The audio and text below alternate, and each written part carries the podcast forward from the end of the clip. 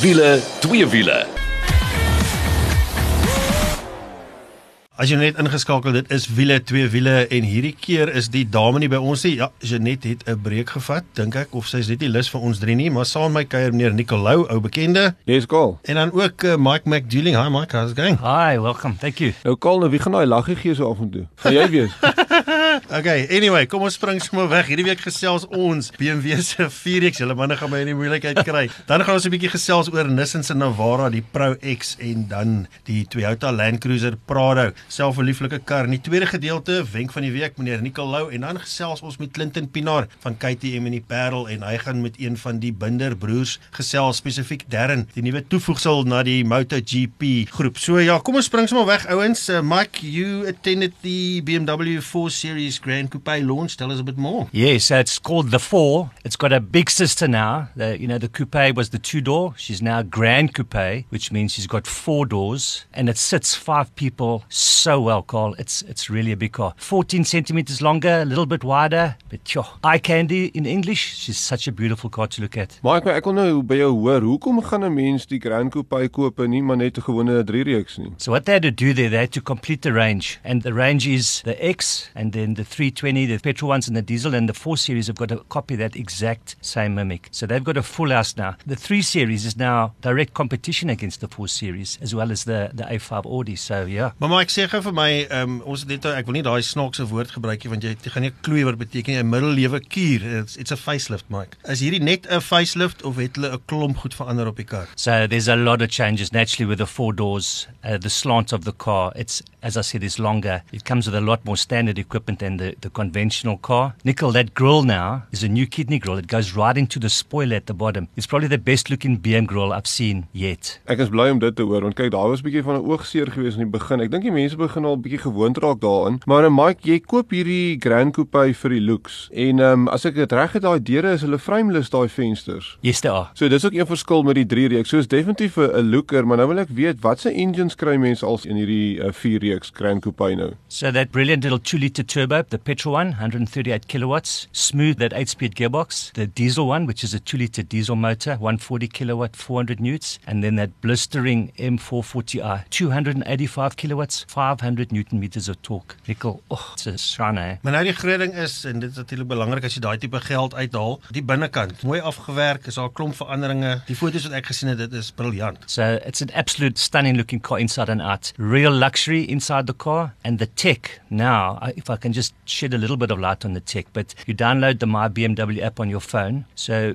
you buy the car and you don't want heated steering wheel because we're in South Africa. But it gets very cold one day and you decide you go into your app, you push heated steering wheel, and for a month or two or three, you can hire the heated steering wheel. It is absolutely mind blowing what they can do with the cars today. Gou by Mike en dan hantering. Dis natuurlik 'n ander belangrike ding en iets waarvoor uh, BMW bekend is vir hulle goeie hanterings. Vertel ons 'n bietjie meer die soos hulle praat van die ride and drive en ek wil dit gaan mos nou maar eintlik oor dit. It's sheer driving pleasure. The 4 Series now comes with X-Drive, but the nice thing they still keep it sporty so you can still feel that back two wheels kick in like 70% and then the front wheels just take you around. So that's one of the additions to the car is the X-Drive. And I tell you, we went through Durban, through Nkomas and a whole lot of strange places. With confidence you can go with that car. Natuurlik daai ekstra wat jy van praat is op die 440, die top of the range ene. Dis natuurlik die een wat almal seker wil hê, maar ek sien sy pryse is hier oor die 1.3 miljoen, maar ek waar begin die reeks? Moet 'n mens 'n miljoen hê vir hierdie kar? So entry level the petrol 2 liter 930, the diesel comes in at 980 and then 1.3 for the M440i. And you can add if you want to. Nou ja, toe nou kyk nou, dis die groot ding. Ek ken daai add if you want to. Daai sommetjie kan baie vinniger, baie meer raak. Maar uh,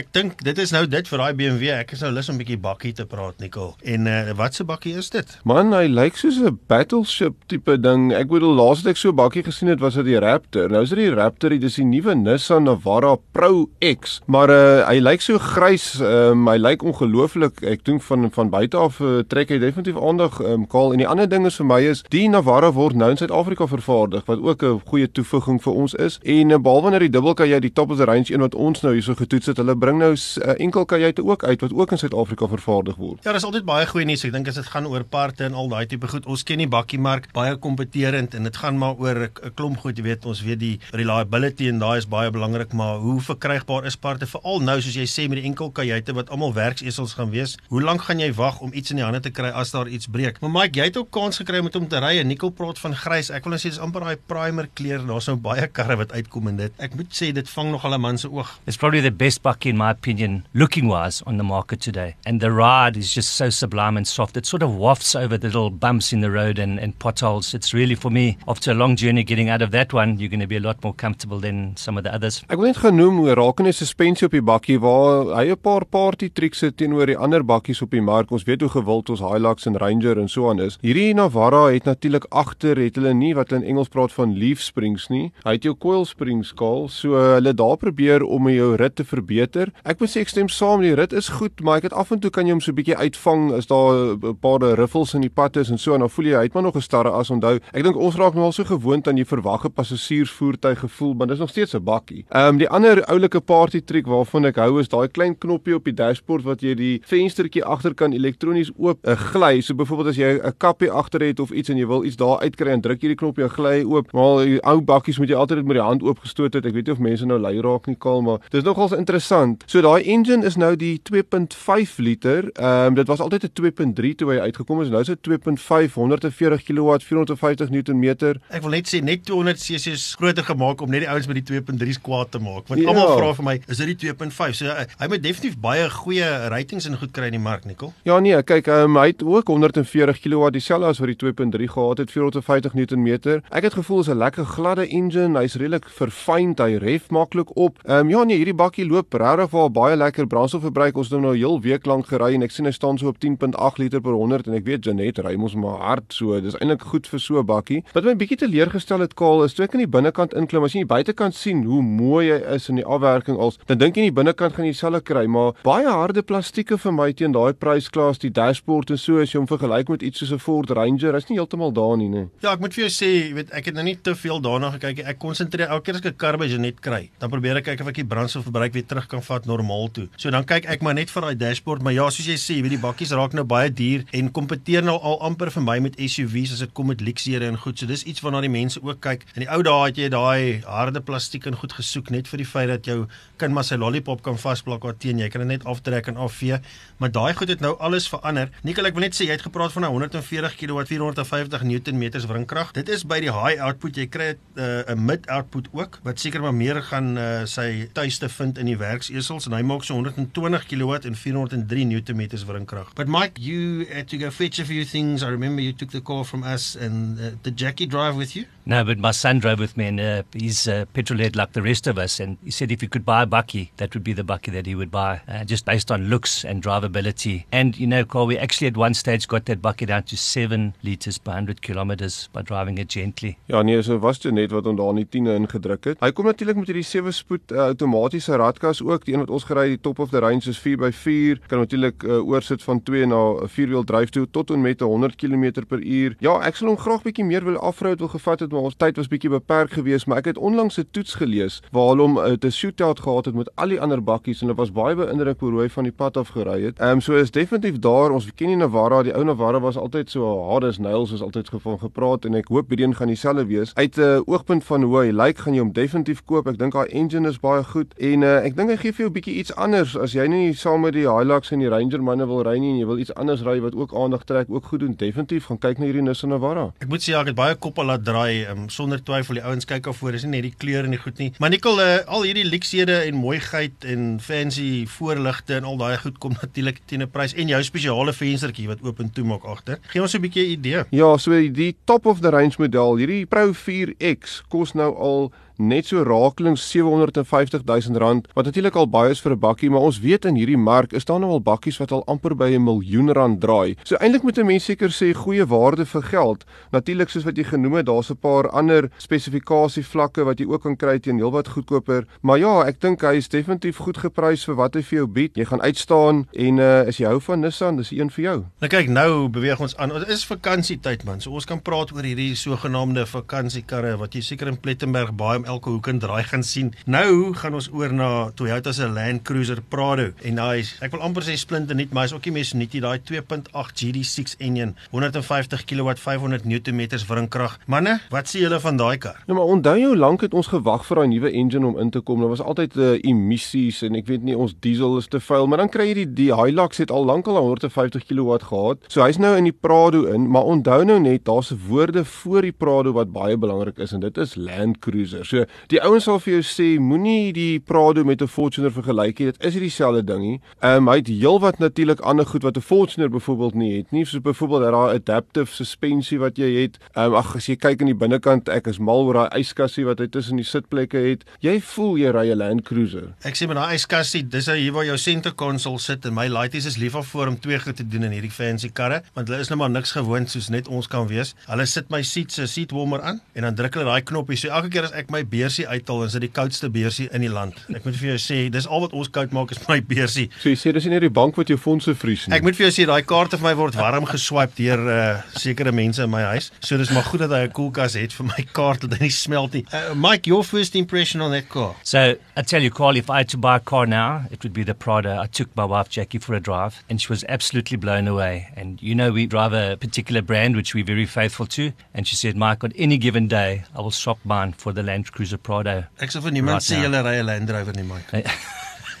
Look, I'm very passionate, but that Prado is absolutely a gem to drive. Eh? Maar dis 70 jaar van geskiedenis, Nikkel. Ek bedoel ek het nou vir myself 'n deeltjie van dit gekoop, uh um net om bietjie mee Nee te nee, maar speel. wag wag wag. Jy mag nou nie sommer net so ligtelik daaroor praat nie. Julle, julle moet nou hierso hoor, nee. Kaal was baie stout geweest. Ek weet nie of sy vrou eers daarvan geweet het nie, maar toe ek foto's op WhatsApp sien deurkom, toe sien ek nou Land Cruiser en nou praat ek van proper Land Cruiser. Dit is 80 series, is 1990s. Daai foto's is ongelooflik. Dit is so 'n mooi toestand en dan kyk jy daar op die instrumentpaneel, dan staan daar oor die 300 000 km, maar die kar lyk splinte nuut. Nou maar Land Cruiser manne sê vir my, hy's nog nie lekker ingeloop hier by 300 000. Is dit waar kom? Ja, hulle sê jy moet hom ry tot so 500 000 dan gaan jy miskien 'n clutch doen en dan op 'n miljoen weer 'n clutch. So sover hierdie goed aanbetref, daai ding is kliphard. Dis daai 4.5 Maar en ek wou nou net sê die 4.5 op die kant is dit sy liters per 100. Nikkel, jy sê ons stel dit op lig te sê en ek het vir jou net gesê hy's ligter as ons vorige kar op juice. Nou kom jy met die storie. Maar hulle sê ehm um, dis nou een kar 'n rede hoekom hulle sê jy mag nie jou kar laat idle by die brandstofpomp as jy wil volmaak nie, want hulle sal hom nooit vol kry nie. Maar lieflike kar om te ry. Terug te kom by daai Prado, ek het nou klaar gesê 150 kW, 500 Nm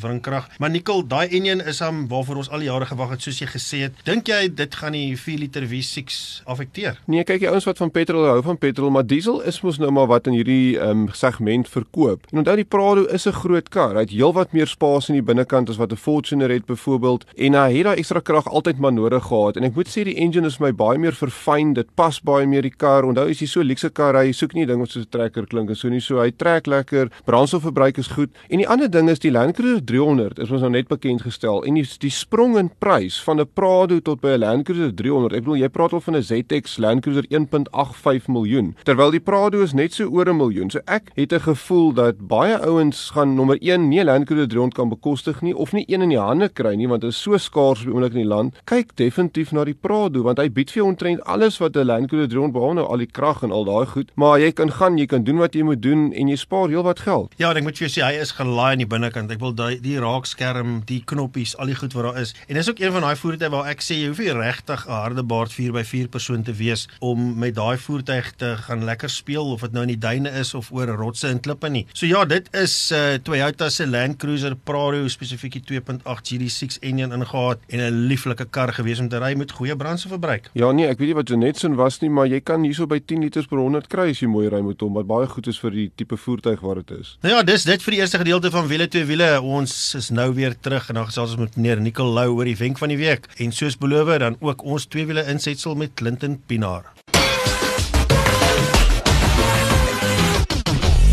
Ja, en as jy 'n vlekvrye stal uitlaatstelsel soek al uh, as jy hom wil stilhou of as jy 'n bietjie weer jou kar moet praat, moet jy definitief 'n draai gemaak by Powerflow Belwel. Hulle kyk na alles wat jy nodig het. En uh, weet jy wat, dis nie net 'n jaar waarog nie, dis sommer 5 jaar. So uh, vir beter werkverrigting, brandstofverbruik en al, Bellflow Bellwel, dis die plek vir jou. Nou as jy net ingeskakel het, dit is wiele, twee wiele en dit is ons tweede helfte van die program en soos beloof gesels ons met uh, Nicole Lou oor ons wenk van die week. En Nicole, hierdie keer gaan dit oor 'n baie fancy Afrikaanse term, 'n middelewe kuur, maar vir my vriend Mike McDouling wat hier aan my linkerkant sit, Mike, that is a facelift. So vertel ons 'n bietjie, wat beteken dit as die ou en sê ja, daar's 'n facelift of 'n middelewe kuur? Die vervaardigers is altyd baie lief om vir jou te sê iets 'n all new model of is dit en is daai, maar jy moet wakker wees want baie keer is dit net 'n middelewe kuur of dan nou 'n facelift. En onthou ons as verbruikers, ek dink ons het bederf geraak, Karl en Mike, dat jy soek die beste tegnologie en jy soek dit nou en jy wil goed wat jy koop moet op datum wees en ek bedoel selfone, kyk na selfone. Jy wissel ons selfoon elke jaar, 2 jaar, jy soek die nuutste tegnologie, maar nou 'n kar se lewensduur is omtrent hier tussen 6 en 8 jaar. Bakkies kan selfs 8 jaar en langer wees baie keer. So die tegnologie waarmee hy uitgekom het en waarmee dan nou al daai jare loop kan miskien begin oud raak en dan gaan die verkope afneem en so. So wat die ingenieurs doen is, wanneer 'n voertuig bekend gestel word, dan weet hulle al klaar in hulle agterkop, weet jy, 3, 4 jaar van nou af gaan ons 'n middellewe kuur doen. Ons weet nog nie wat die tegnologie gaan wees wat in die kar gaan doen nie. Ons weet nog nie presies wat ons gaan verander nie, maar dit kom. En die term facelift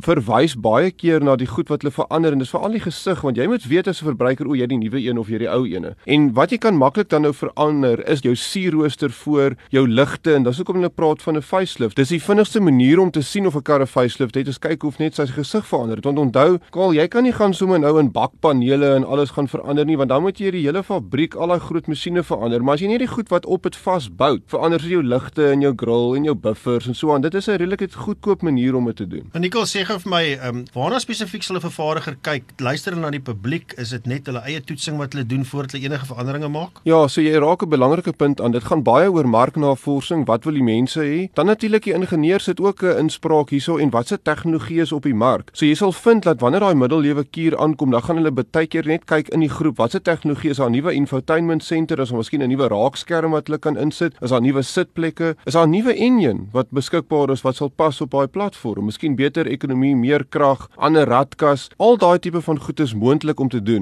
Maar jy moet ook natuurlik dink, wat gaan die impak wees op daai voertuig nou? Want nou, eerstens jou produksieaanleg gaan nou moet verander. Van die toetse gaan jy weer op die voertuig moet doen. Jy dink aan homologasie toetse om daai voertuig te verkoop. So weer die verrigting miskien van die ligte, gaan dit jy miskien die botstoetse affekteer met wat jy insit, die emissie toetse as dit nuwe aandryfstelsel is. En dan moet jy die ouens op die lyn natuurlik nou leer om al hierdie nuwe goed op die kar te sit. Kaal, kan jy miskien dink aan facelifts wat vir jou regtig 'n verskil gemaak het in 'n voertuig en hoe hy lyk en ook aan die verkope miskien? Ja, ek dink jy onthou dat daai eerste Hilux uitgekom het, die GD6 reeks hier in 2016. Het die mense so 'n bietjie gemoun oor daai lekker waan neus wat hy gehad het aan die voorkant. Hy dit het so lank gelyk. Of daai hond, daai foto van 'n hond wat hulle so gestuur het. Of daai hond en bitter vinnig moes hulle hom 'n bietjie breër en bietjie meer aggressief maak en dit het 'n baie groot verskil gemaak aan net hoe die kar lyk al is dit presies dieselfde voertuig. Verseker en ek bedoel selfs die Nissan Navara wat ons voor gepraat het in die eerste, ek dink hy lyk nou baie mooier as wat hy gelyk het in die in die eerste weergawe. En wys jy wat se verskil kan so tegnologie inspuiting vir die voertuig doen? Maar nou gesels ons twee wiele en ons gesels spesifiek met meneer Clinton Pinaar van KTM in die Parel en Clinton is 'n man wat lief is vir sy motorfietsse en hy praat met 'n groot naam in motorsport. Ek is baie opgewonde oor hierdie onderhoud want ons praat met Darren Binder en in Kaal het jy ooit 'n klasse geskiep op skool? Het jy soos graad 1 of graad 3 of jy was mos so slim ou geweest? Man, ek het klasse geskiep wat beteken ek het net nie gegaan nie. Dit is die enigste skiep wat ek gedoen het, maar ek het definitief nie standaards geskiep nie. Maar is hierdie 'n stoute mannetjie? Nee nee, hy gaan mos nou klasse skiep, maar ek dink ons moet gou 'n bietjie praat met Clinton Pinaar en uitvind wat gaan nie aan. Hi, Darren. You've just had two days of testing. Firstly, congratulations on getting this ride. But uh, a lot of people have been asking me the question that it was not a too big a jump up from Moto 3 immediately into Moto GP. And if you could just tell us now that you've had two days on the bike, how does it feel now that you've ridden the bike? And is it a too big a jump, or do you wish you had gone to Moto 2 first? Hey, how's it going, bud? Uh, thank you very much. I really appreciate it. Yeah, I think going from Moto 3 to Moto GP is definitely a big jump, but I think uh, going from Moto 3 to Moto 2 is uh, quite a jump as well. So yeah, after the first two days testing uh, the GP bike, um, after the second day, I started to find my feet slowly, you know, and uh, started to get used to the speed. Uh, obviously, the speed and the brakes were were the, quite a big difference compared to Moto 3. But um, yeah, honestly, I don't think that uh, anything's changed my mind after the test. You know, if anything, I'm really confident and happy that I've made this jump straight to GP. I mean, it's an opportunity of a lifetime, and Moto 2 is a very tough class with all the bikes being the same and so many riders that have been there for so many years with so much experience that it's an easy place to get stuck in. So I think by skipping that class and going straight to GP, if I can do well, it can only benefit me. And I mean, you know, one of the things is some people, they never ever get the opportunity to even ride a MotoGP bike. So when an offer like this comes, you got to take it and uh, grab it with both hands and make the most of it. So yeah, I mean, it's definitely going to take a bit of time for me to get used to everything, but uh, I reckon by the time we've got through the first couple races, I should definitely have come to terms with the bike and that because uh, we've got quite a lot of days of testing before the start of the season. And uh, yeah, I mean, the two days we had, uh, I was quite happy with. I mean, I was three seconds off, but having never ridden a Moto 2 in my life before, jumping straight on a GP, I didn't think I'd done too bad. So yeah, I'm going to train hard over the break now and uh, ride a R1 as much as possible to try and get used to a bit of the power and a bit of the weight, to, you know, and then uh, yeah, let's see how next year goes. Darren, then just a bit of a question that I'm sure a lot of people want to ask. You've got a nickname, Dive Bomb Darren, and uh, in any case, I've got a different take on it. I've always thought that you quite a big rider for the Moto 3, and you've never seemed to have a very fast bike. Well, I thought it was maybe just to do with your size. So the only way that you could actually make up places was under the brakes and going into corners. So I actually thought that uh, the name Dive Bomb Darren was actually a little bit unfair. However, can I ask you this? You've obviously needed to ride the way you have been riding in the Moto 3 because of your size, and so tell me yes or wrong. And then just when you go to MotoGP, I actually think that that exact way of riding is maybe going to stand you in good stead because with all the electronic aids and stuff, the only place where riders can really make up time seems to me on braking and going into corners. So I feel that that's going to stand you in good stead. So are you going to hopefully take a bit of that riding with you, or how are you planning on riding this MotoGP bike going into it for the, the year 2022? Yeah, so I mean, Moto 3, um, unfortunately, because I was a bit bigger and a bit heavier, uh, I did struggle with speed. So, um, yeah, I always had to be super aggressive on the brakes, and that was the only place that I could really make passes. And uh, yeah, I got given that name for making some, some crazy moves on the brakes and uh, dive bombing the guys into the corners. But uh, yeah, I mean, I think uh, going to, to to MotoGP, uh, obviously, I want to go in with a clean name. I don't want to go in as dive bomb because some people uh, take that in the wrong way, as like in uh, what happened in in Portimao. But uh, yeah, the one thing that a lot of the guys have said in my team as well is that one of the things you need for the Yamaha is also to brake late, to use the corner speed of the, the Yamaha to get out the corners. And that's kind of similar to the way Moto 3 works. You know, you got to brake as late as you can and keep speed because those bikes are so underpowered. So yeah, I'm hoping to, to carry the same traits across. And, uh, you know, I definitely want to try and uh, stay as a late breaker and uh, be, be passing the guys on the brakes. And so let's see what happens. But uh, yeah, I'm pretty sure that once I get comfortable and figure things out, I'll still be my same self on the MotoGP bike. Darren, and just lastly, now that you have ridden the bike, all of us can only imagine what it must be like to ride a MotoGP bike. You've now come from a Moto 3 bike and then jumped straight past the Moto 2 and onto a MotoGP bike. I remember chatting to your dad about your brother's feeling. He actually thought that the Moto 3 bike was a proper, proper race bike. You know, from the beginning, it's a MotoGP race little bike. And then when you went to the, firstly, the standard Honda engine, it was like